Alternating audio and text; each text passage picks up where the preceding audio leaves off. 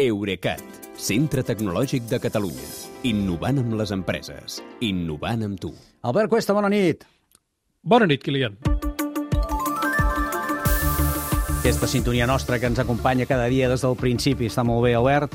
Però avui La nit de Sant Joan és nit d'alegria. és rebella, Albert, i t'hem de forçar que ens parlis de coses relacionades amb la rebella. No sé si ho podríem aconseguir, això, com ho veus?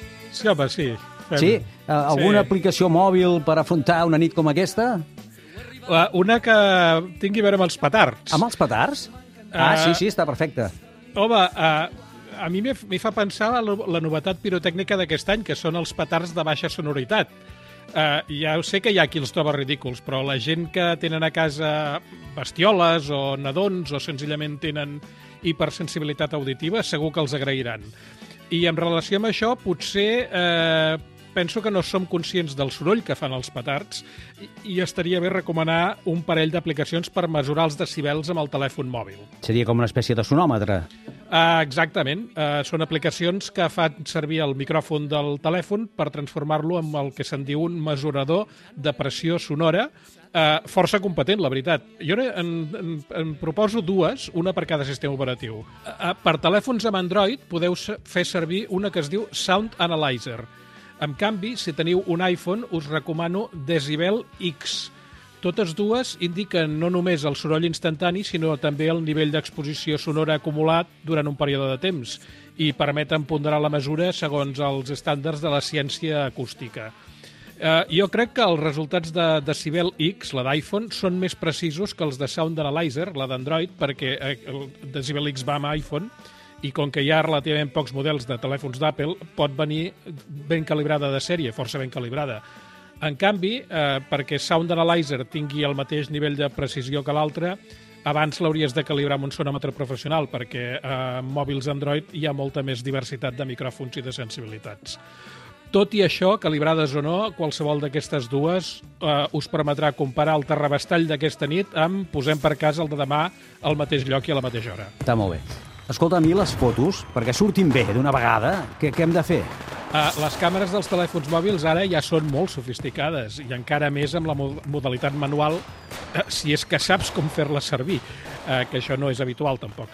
Uh, però amb, amb, pots tenir bons resultats amb llums de color sobre un cel nocturn si segueixes algunes recomanacions generals.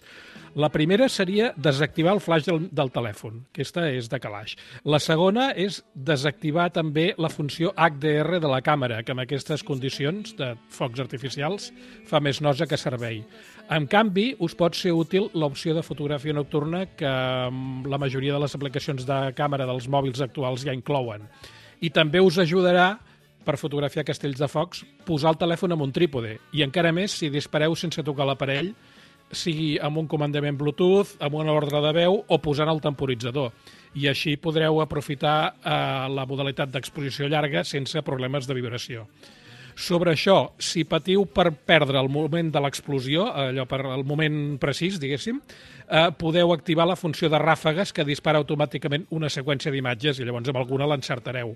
O també hi ha la, la captura única dels mòbils Samsung que el que va fa és durant 10 segons va fent fotos fixes i vídeos i de tu després tries. També podeu aprofitar les modalitats de fotos en moviment o aquella que se'n diu time-lapse. I un últim recurs, deixeu-vos de fotos i enregistreu tot l'espectacle en vídeo 4K si el vostre mòbil ho té. Després d'aquest vídeo ja en podreu treure imatges fixes o fins i tot fer-ne un gif animat per pujar-lo a Instagram o a TikTok. L'estiu ens arriba... Doncs ens arriba l'estiu, en efecte, i... La veu d'encisa. Sí, tant. Ens arriba la coca de Sant Joan, però d'aplicacions per això no n'hi ha, eh?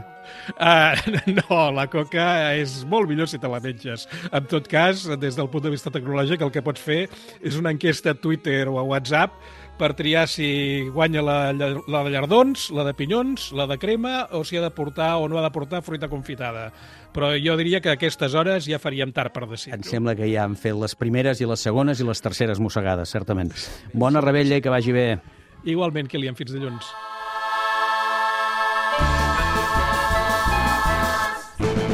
Eurecat, Centre Tecnològic de Catalunya.